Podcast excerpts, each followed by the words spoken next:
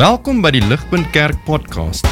As Ligpunt Gemeente is dit ons begeerte om God te verheerlik deur disippels te wees wat disippels maak en 'n kerk te wees wat kerke plant. Geniet hierdie week se preek.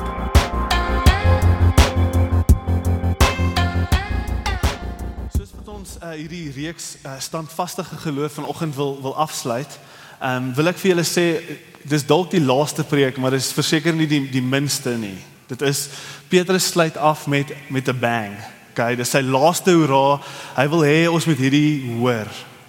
Uh Petrus eindig eindig sy brief brief af met hierdie een laaste uh sy sy hart is dat gelowiges regtig sal sal sal standvastig bly.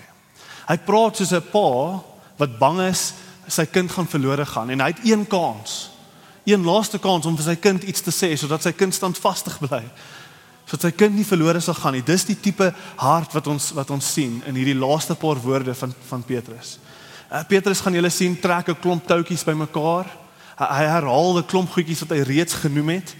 Maar weer eens die herhaling dien om die erns te wys van wat hy wil hê ons moet hoor. En en presies wat is dit wat hy wil hê ons moet hoor vanoggend? Vanoggend gaan Petrus vir ons drie waarskuwings gee wat die Christen se standvastigheid wil verseker. Drie waarskuwings wat die Christen se standvastigheid wil verseker. By standvastigheid bedoel ek jy gaan nie wegval nie. Jy gaan nie afval nie, jy gaan dit maak. Uh of jy gaan doodgaan of Jesus gaan terugkom, maar op daai dag gaan jy reg wees. Jy gaan standvastig wees. Jy gaan nie afval nie. En hierdie is drie waarskuwings wat daai standvastige geloof gaan verseker. Nou um in die uh, lewe is daar baie gevare. Ek hoef nie veel te sê oor al die verskillende gevare nie, maar spesifiek die een wat die beste voorbeeld uh, vir ons preek gaan wees vanoggend is die gevare van die Outeniqua pas. Okay, ek het 'n klein klip, uh, dis klankloos, so moenie worry oor die klank nie, maar dis net 'n klein video. Ons is nogals bederf met video's vanoggend.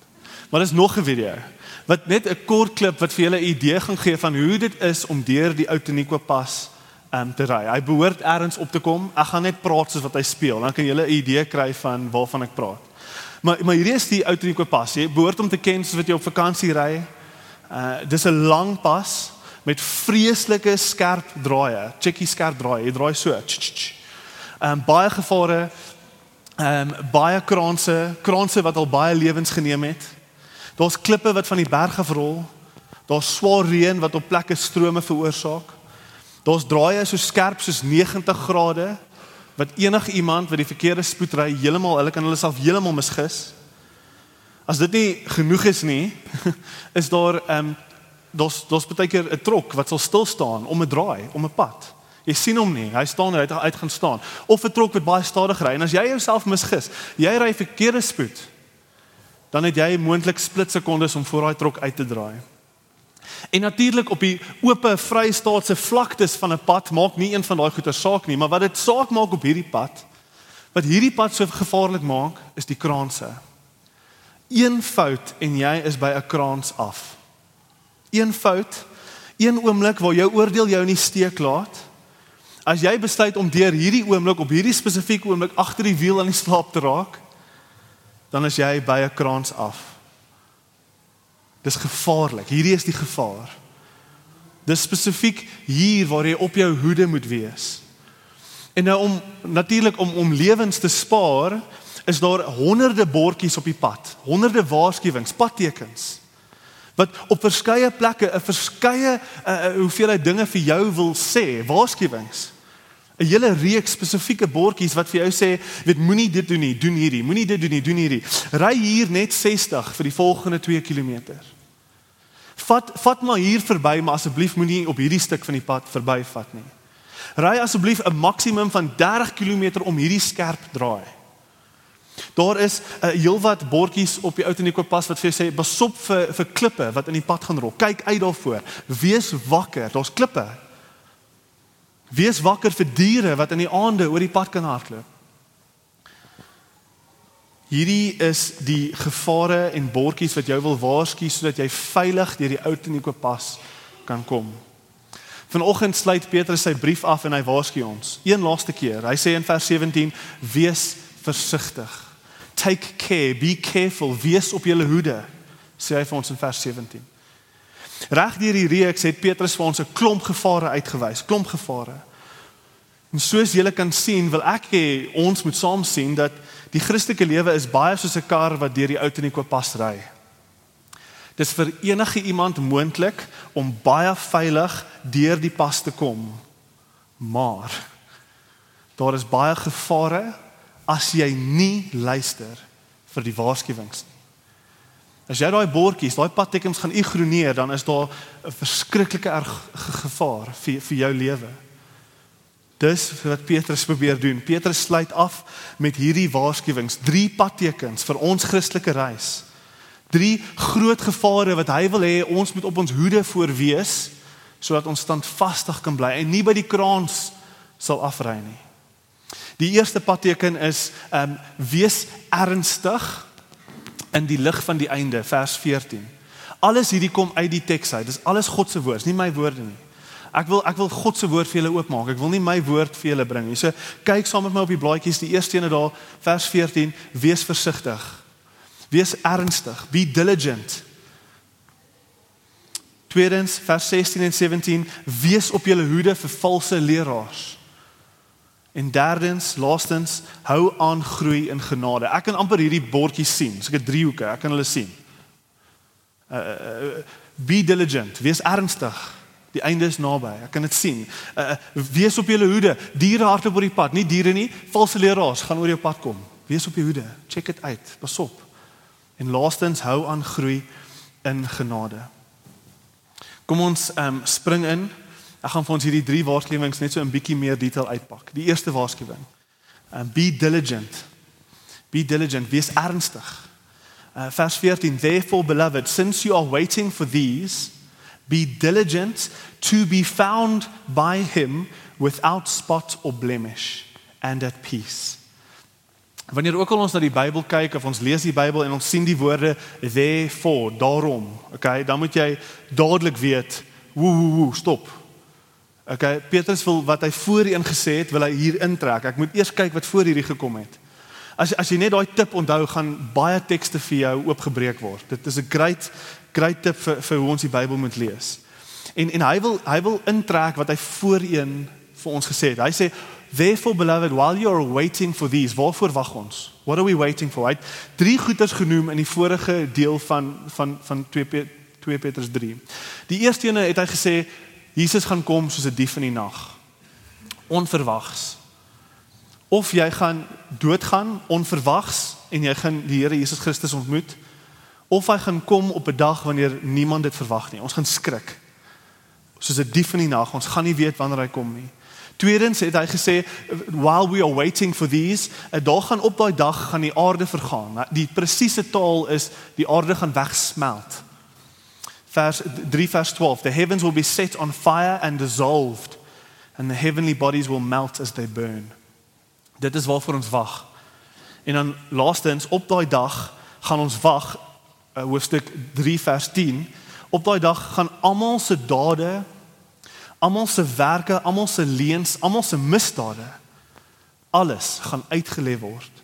Die woord daar is alles gaan expose word the earth and and the works that are done on it will be exposed. Ons wag vir daai dag wanneer alles oopgebreek gaan word. Alles gaan duidelik gemaak word. Alles gaan exposed word. Petrus sê hierdie is hoekom ons moet diligent wees. Hierdie is hoekom ons moet ernstig wees oor ons sondes. Jy wat sê hy? Uh, be diligent to be found in him without spot or blemish. Wat hy hier vir ons sê is, hoe gaan Jesus jou kry daai dag wanneer jy hom ontmoet? Hoe gaan hy jou kry? Waarmee gaan jy besig wees in jou lewe? Hy vra nie bloot nie, eintlik sê hy vir ons. In sy woorde beveel hy ons hoe ons moet lyk daai dag. Hy sê hy sê die dag wat Jesus terugkom, die dag wat jy Jesus ontmoet, uh, be diligent to be found in him. Hierdie is hoe jy ge gevind moet word without spot or blemish, vlekkeloos.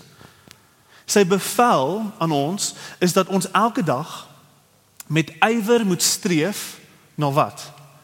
Ons moet streef om vlekkeloos en onberispelik gevind te word met vrede.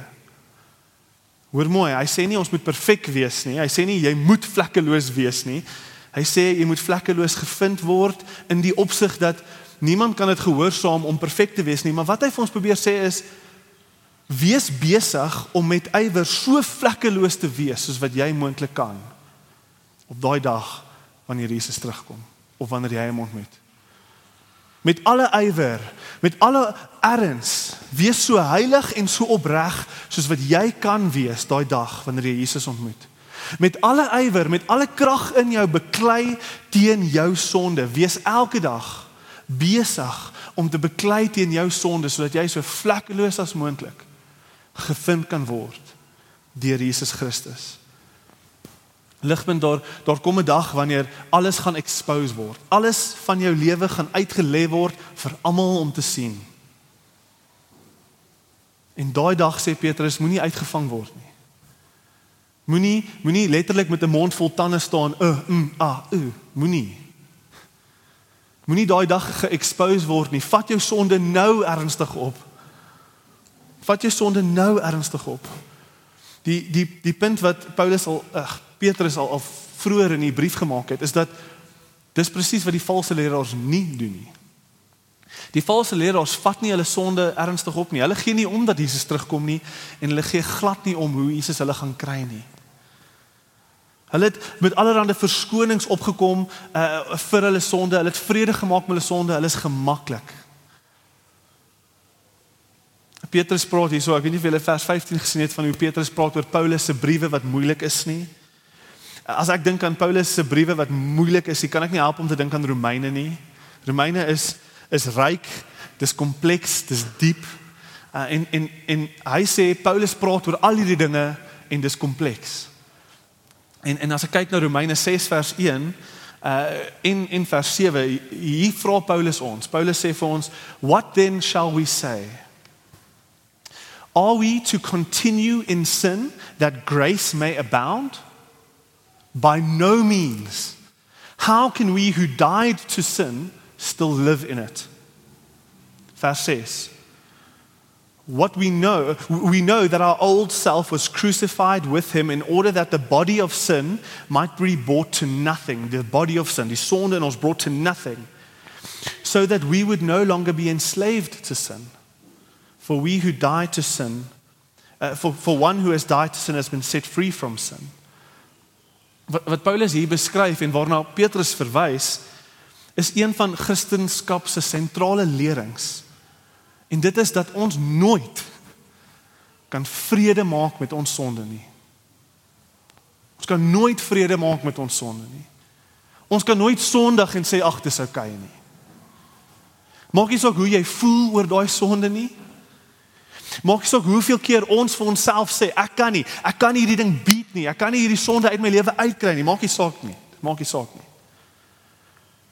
Maak nie saak hoe diep jy jou sonde probeer begrawe in 'n besige lewe in leuns en geheimpies nie. Die objektiewe waarheid van God se woord sê vir ons, die Christen is vrygemaak van sonde.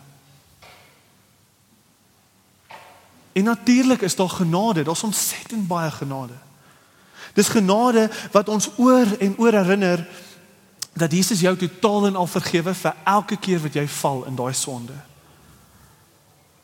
Maar dis wat dis wat Paulus sê, grace abounds, maar ons kan nie, ons mag nie genade gebruik as 'n verskoning om aan te hou in daai sonde nie. Nee.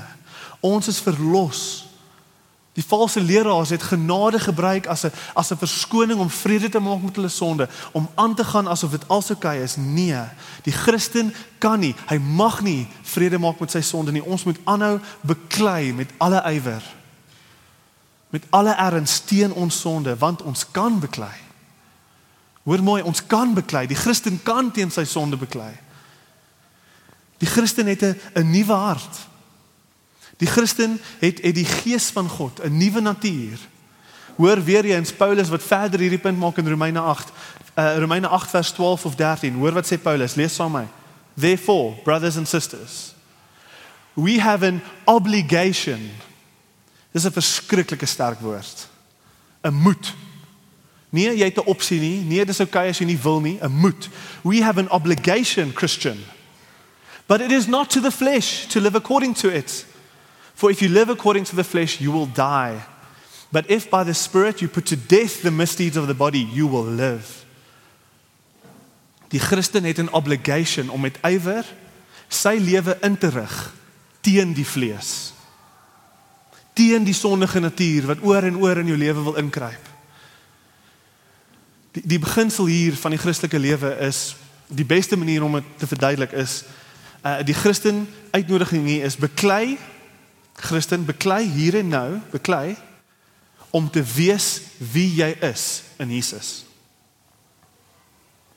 Die hele Christelike lewe eintlik is een waar ons in geloof beklei om te wees wie ons klaar is in Jesus.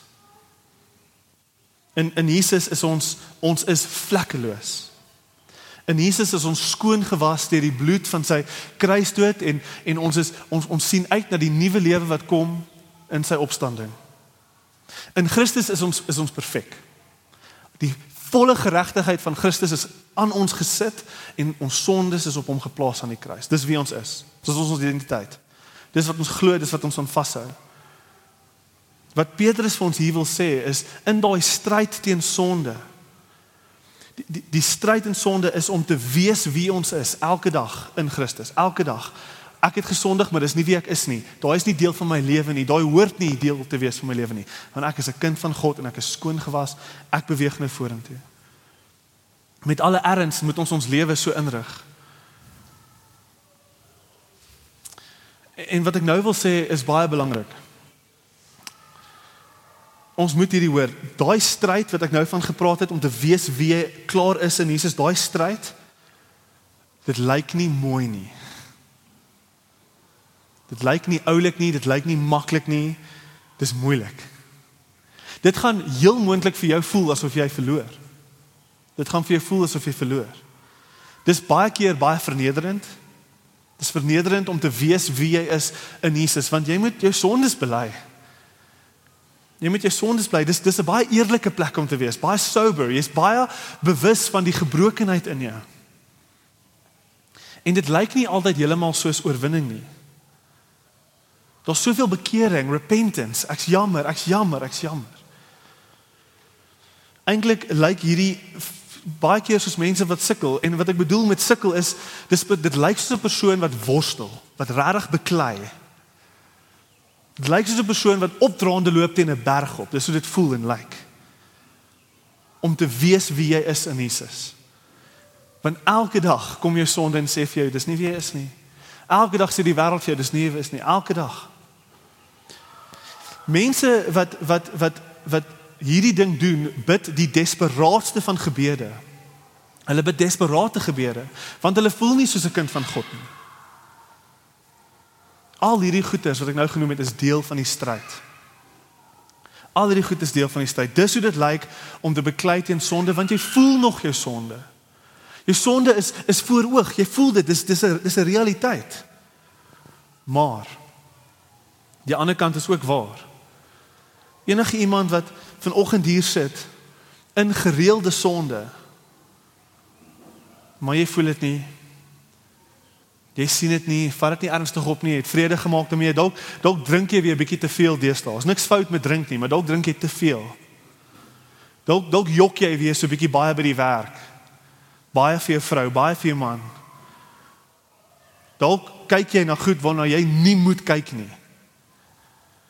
Dalk skinder jy weer want dit is lekker. Jy voel goed so bietjie oor oor daai goeters. Daar's 'n duisende voorbeelde van hoe sonde spesifiek in ons elkeen se lewe lyk. Like. Alles lyk dalk goed van buitekant af, maar jy weet. Jy weet die die binnekant jou beklei nie teen daai sonde nie en jy het vrede gemaak. Jy dink is oukei. Okay. Vanoggend sê Petrus vir jou dis nie oukei okay nie. Dis 'n waarskuwing.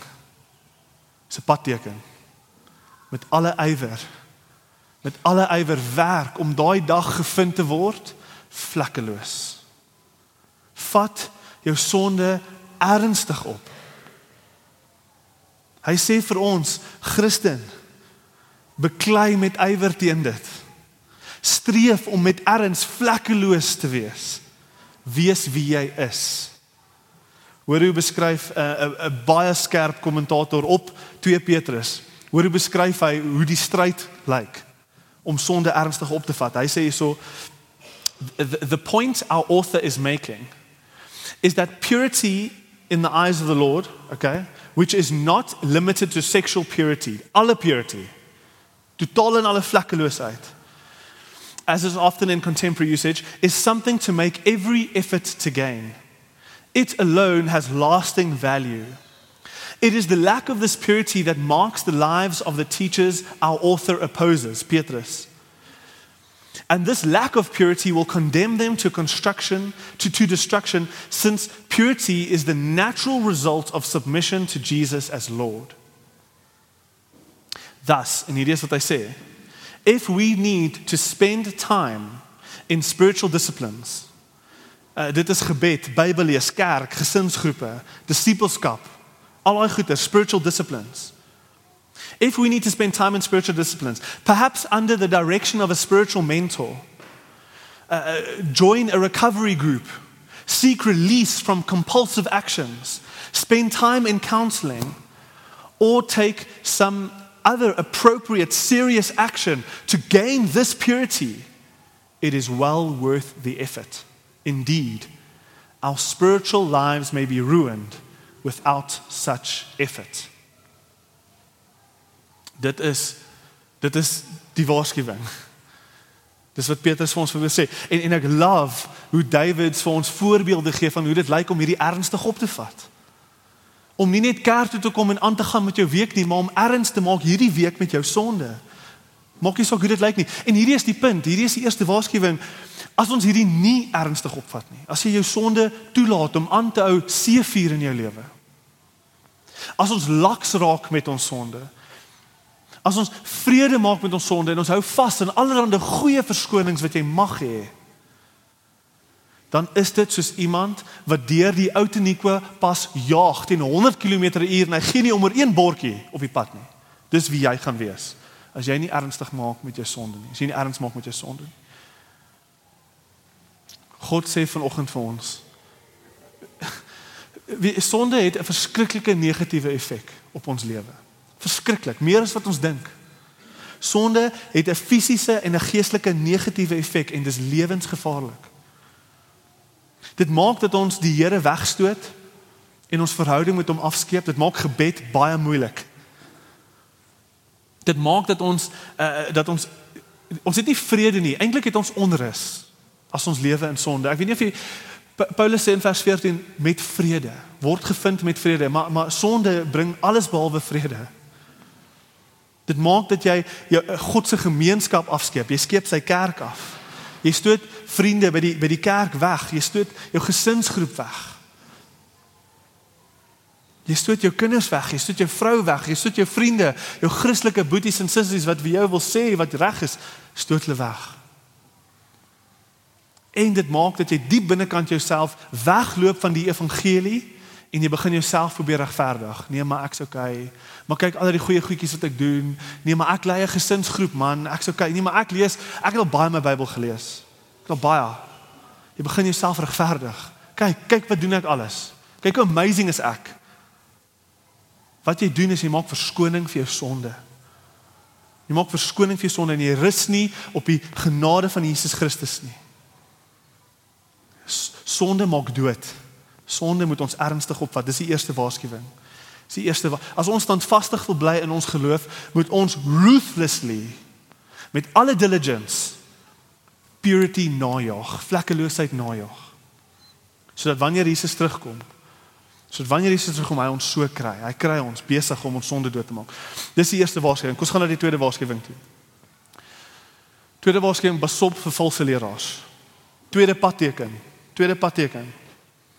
In in vers 15 en 16 uh, het Petrus reeds ek het klaar genoem, hy praat van Paulus se briewe wat moeilik is. En en so ek wil eerstens net hier noem uh Petrus doen doen doen iets hierso wat ek dink belangrik is. Um hy wys ons uit dat dit dit baie keer moeilik is om te verstaan wat in die Bybel staan. Ek dink ons almal voel dit. Ons almal weet, dis baie keer moeilik om die Bybel te lees en om te verstaan wat in in die, in die Bybel aangaan. En en hy sê hierso, hierdie is vir die valse leraars uitbuit. Hy sê in vers 16 there are some things that are hard to understand, but these are the things the ignorant and the unstable twist to their own destruction as they do other scriptures. En dan sê hy vir julle, vir ons, vir ligpunt. Hy sê vir ons, therefore, julle weet nou hierdie, take care, wees op julle hoede. That you're not carried away by the the error of of lawless people and lose your own stability. Ek hou van die Afrikaans. Uh, jy gaan jou standvastigheid verloor. Jy gaan dit nie maak nie.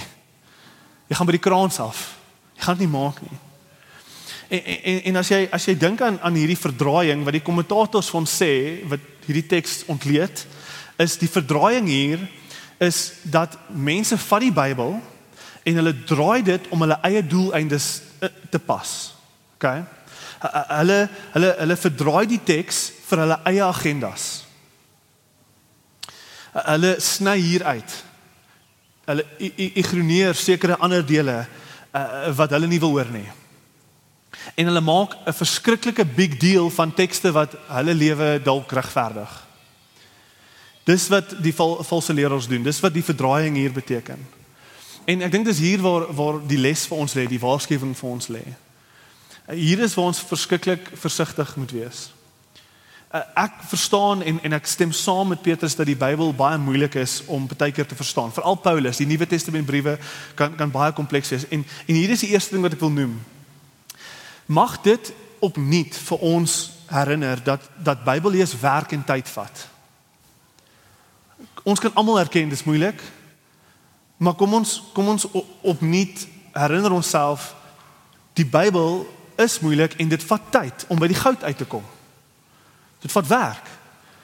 Ek dink daar's 'n belangrike shift wat in ons almal se lewens hier kan plaasvind, want ons wil hê die Bybel moet so maklik wees soos alles anders in ons samelewing, nê? Nee? Een klik. En dan moet ek die Bybel kan verstaan. Uh so vinnig soos my Checker 6060 bestelling. Ek moet alles van die Bybel kan verstaan in daai halfuurtjie wat ek uitgesit het vanoggend. Ons wil hê dit moet so vinnig wees soos die 0.5 sekondes wat Google vat om vir jou 'n antwoord uit te gooi. Ons wil so hê. Ons wil die Bybel oopmaak en dan is dit net daar. Dit is net maklik. Ek dink ons moet ons verwagtinge hier hier regkry. Dis nie hoe God se woord werk nie. Die werklike goud vat werk om by uit te kom. As ons wil beweeg van melk na vaste kos toe, dan vat dit tyd. Dit vat moeite, dit vat gemeenskap waar ons mekaar leer, waar ons betrokke raak in op Sondae, betrokke raak by gesinne waar ons saam worstel met die woord. Worstel met daai dele wat moeilik is om te verstaan. En ek sê dit want hierdie sê nie dis onmoontlik om te verstaan nie. Dit sê net dit is moeilik. Dit sê net dit vat bietjie meer tyd. Maar maar veel belangriker as dit is hierdie is waar ons kwesbaar is. Dis moeilik om by die woord uit te kom, so ons kom nie by die woord uit nie en dit los ons kwesbaar vir die valse leraars. Dit maak ons proei. Ons ons ons ons is hier kwesbaar. Hierdie is min of meer hoe hoe, hoe dit lyk. Die die woord van God functionally soos soos soos wat ons dit uitlewe. Soos wat ons wegbeweeg van God se woord af, sit ons God se woord laer in ons lewe. OK. God se woord is die finale autoriteit, maar hy God se woord bly nie meer bo oor my nie. Soos wat die God se woord moeilik is of ons skeep dit af of ons beweeg weg van God se woord af, wat gebeur is sistematies gaan word God se woord se stem, se invloed op jou lewe laer en laer en laer. Eventueel is jou lewe daar en God se woord is daar en en eintlik is jy bo oor God se woord. Functionally, dit, ons sal dit nie sê nie, maar dis hoe dit lyk. Die beheerende invloed van God se woord is is verlore in jou lewe. Eintlik begin jy sistematies stadig Jy begin 'n system, jy begin 'n beheerende invloed hê op God se woord. En en daar's 'n baie groot verskil tussen iemand wat God se woord is bo hulle en iemand wat bo oor God se daar's 'n valse lering floreer wanneer ons subtiel die woord van God minder en minder stem gee in ons lewens. Stadig maar seker in ons lewens probeer ons regverdig uh, wat hoe ons lewens lyk. Dis hoe dit lyk om 'n beheerende invloed te hê oor God se woord. Jy begin jou lewe regverdig teenoor wat die God se woord sê. In plaas daarvan dat jy God se woord bo jou lewe sit en luister wat die Here vir jou wil sê en jou lewe verander volgens wat God vir jou sê. Uh hoor hoe sê uh, uh, uh Robert Mounts dit ook 'n uh, verskriklike geniale uh akademikus in in Bybellering. Hy sê heresy, dwaalleer, begin begins by a decision to change the way of our lives. Once the decision has been made to disobey, human nature searches out some basis to support the sinful acts. At this point, truth is twisted and pressed into service for a deviant lifestyle. Kyk, sodra ons wegbeweeg van God se woord af, dit word minder en minder in ons lewens. Sodra ons uh ons neem minder daarvan in in ons weke, minder gesin, minder gesin, minder sondae, minder sondae, minder sondae waar die finale autoriteit van God se woord uitgepak word en ons moet dit net hoor. Minder daarvan in my lewe. Minder kerk. Sodra daai goeters gebeur, gaan God se woord af en my lewe gaan op en ek begin bo oor God se woord staan. En stadig maar seker begin ons harte ons begin onsself deceive. Hierdie is hoekom valse lering nie floreer, want ons begin vir God se woord sê wat God se woord sê. In plaas daarvan om te hoor wat God se woord reg vir ons besê om onder dit te bly.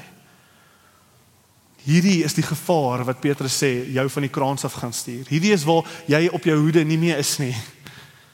Die Christen Die Christen, sê Petrus, wil nie God se woord soos klei probeer vorm en vou sodat God se woord in sy lewe inpas nie. Dis nie wat die Christen wil doen nie. Die Christen is self die klei. En hy wil toelaat dat God se woord altyd bo hom is.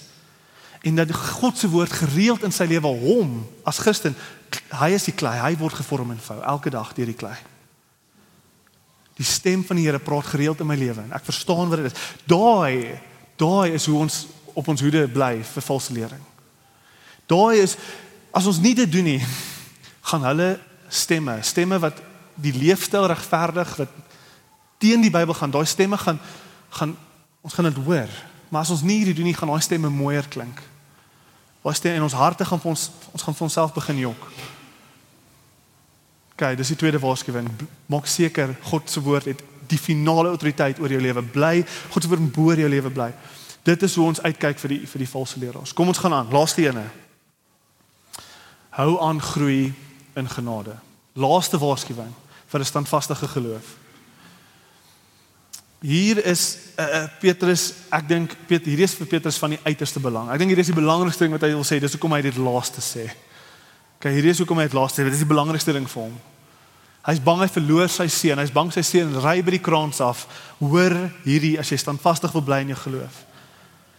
Vers vers 17 oor die valse leraars was soos 'n negatiewe kant. Pas op vir hulle, maar hier's die positiewe kant.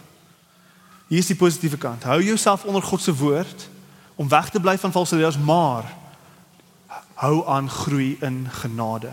So wat beteken dit om aan te hou groei in genade? Hier is die vraag.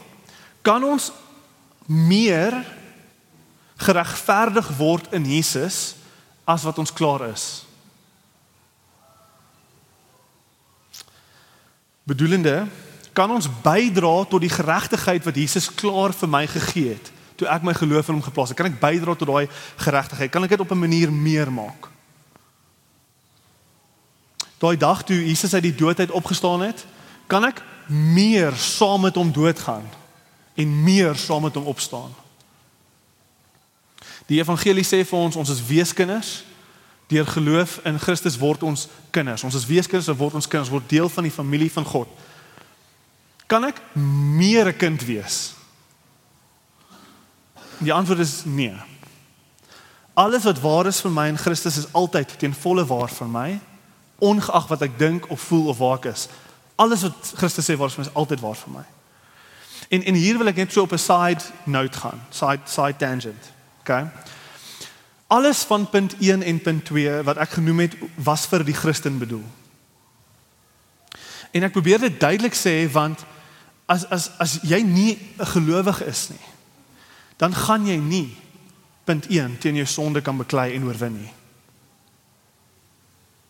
As as jy nie 'n werklik 'n wedergebore Christen is nie, gaan jy nie werklik God se woord bo oor jou lewe plaas en jou lewe verander daarvolgens nie. Jy gaan dit nie kan doen nie. Ons moet werklik gebore wees. Ons moet weet teen volle deur geloof dat hierdie goed is wat Jesus sê waar is vir my, dis waar vir my. En ons moet daai wedergebore beleef. Ons moet die nuwe lewe hê van die Gees in my, die nuwe hart en ons moet lewe in daai vergifnis. Ons moes al klaar deur 'n radikale bekering gaan het waar ons van hierdie pad afklim en ons sit nou op hierdie pad. Daai moet waar wees van ons. Anders is punt 2, punt 1 en 2 kan ons nie doen nie. Ons kan dit doen nie. En ek gaan nou verder praat oor groei in genade vir die gelowiges, maar ek wil net hierdie noem. As jy dit nog nie beleef het nie, As jy voel sonde het 'n beheerende invloed op jou lewe en jy kan dit nie oorkom nie. Petrus wil hê jy moet die harde vraag vra van is ek 'n gelowige? Het ek groot geword in 'n Pretoria waar almal Christene is en ek het nooit eintlik die harde vraag gevra of ek 'n nuwe hart gekry het waar ek regtig bekeer het en my geloof in Jesus geplaas het nie. Petrus wil hê jy moet daai vraag vra. En ek wil julle uitnooi begin daar. As daai eerste twee punte jou heeltemal oorweldig het en dit was vir jou moeilik om te hoor, begin by die evangelie. Begin by die evangelie. Jy moet wedergebore wees om daai goed te kan doen. En dit bring ons terug na ehm um, na die na die vraag toe, weer eens vir gelowiges. Hoe groei ons in genade? Ek het uh, so 'n bietjie by Tim Keller hierdie antwoord gesteel want ek dink is uitstekend. Kan dit nie beter sê nie? En so hoor hoe antwoord Keller hierdie vraag. Hoe groei ons in genade? Hy sê Legally, God pardons us, and personally, He adopts us. He completely welcomes us in. Those are legal statuses declared and always true. They are the very life and breath of the Christian. And they cannot increase because you can't get more pardoned. You're either pardoned or you're not. You're either adopted or you're not. You can't get more adopted. Here's why Hierdie is so belangrik. Hierdie is so goed, hoor. Your rights and your privileges, your acceptance can't increase, but the influence of that doctrine in your life can increase. Your power and experience of these great privileges can increase. Hierdie is massief. Hierdie is awesome. Ek love it. Hierdie is so goed. Dis waarna Petrus verwys. Dis hoe ons groei in genade. Hy beveel ons aan, hou aan vir die res van jou Christelike lewe groei in die invloed van die waarhede van die evangelie op jou lewe. Hou aan groei in die invloed wat daai waarhede wat Jesus sê altyd waar is van jou, maak dat dit 'n groter invloed het op jou lewe. En en dit bring ons terug na na wat ons vroeër genoem het, die Christelike lewe is 'n lewe waar ons met ywer in geloof beklei om te weet wie ons is. Ons wil weet wie ons is ten spyte van hoe jy voel. Ten spyte van wat die wêreld sê jy is of wat jy vir jouself sê jy is. Ten spyte van hoe hoe hoe jy voel in die gat waarin jy dink jy sit.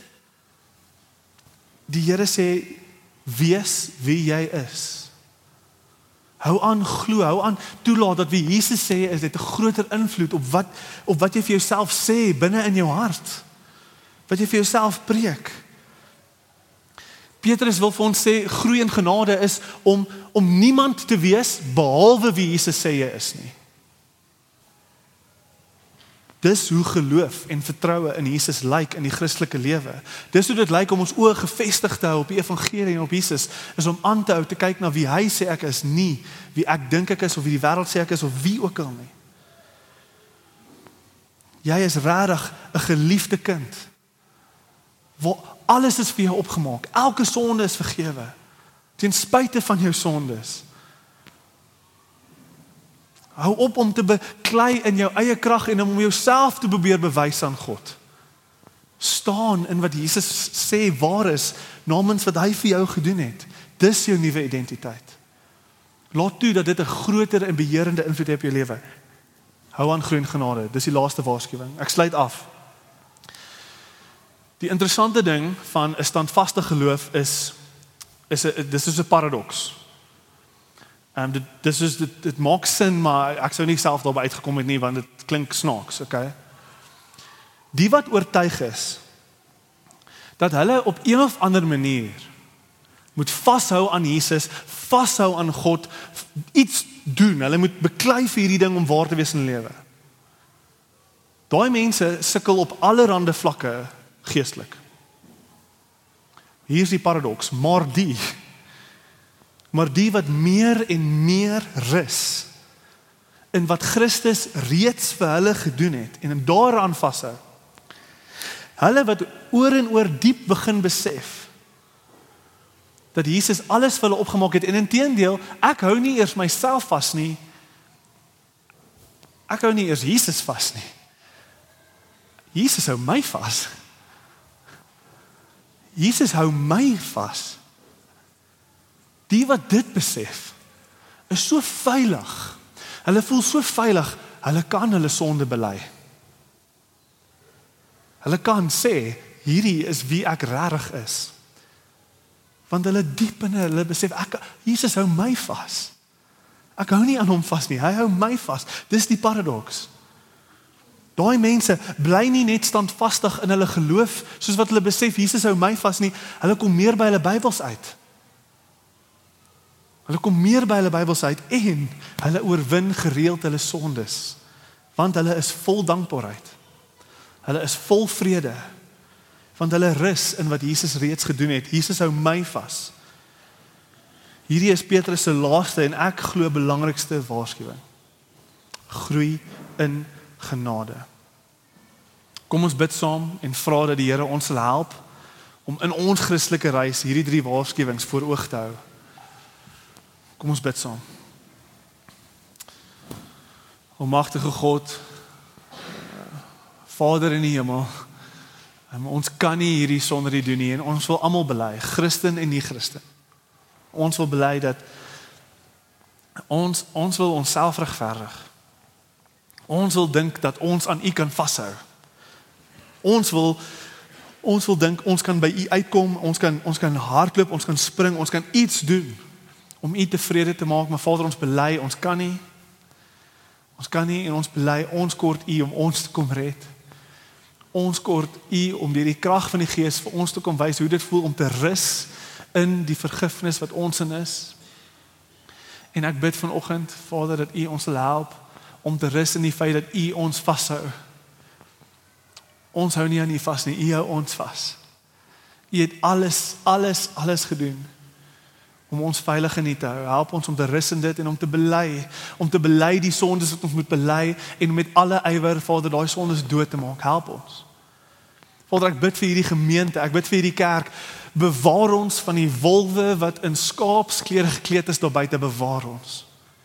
Hulle is oral en hulle verdraai die skrif vir hulle eie lewens om hulle sondes te regverdig, bewaar ons. Hou ons heilig. Hou ons veilig. Ons bid dit alles in Jesus naam alleen. Amen.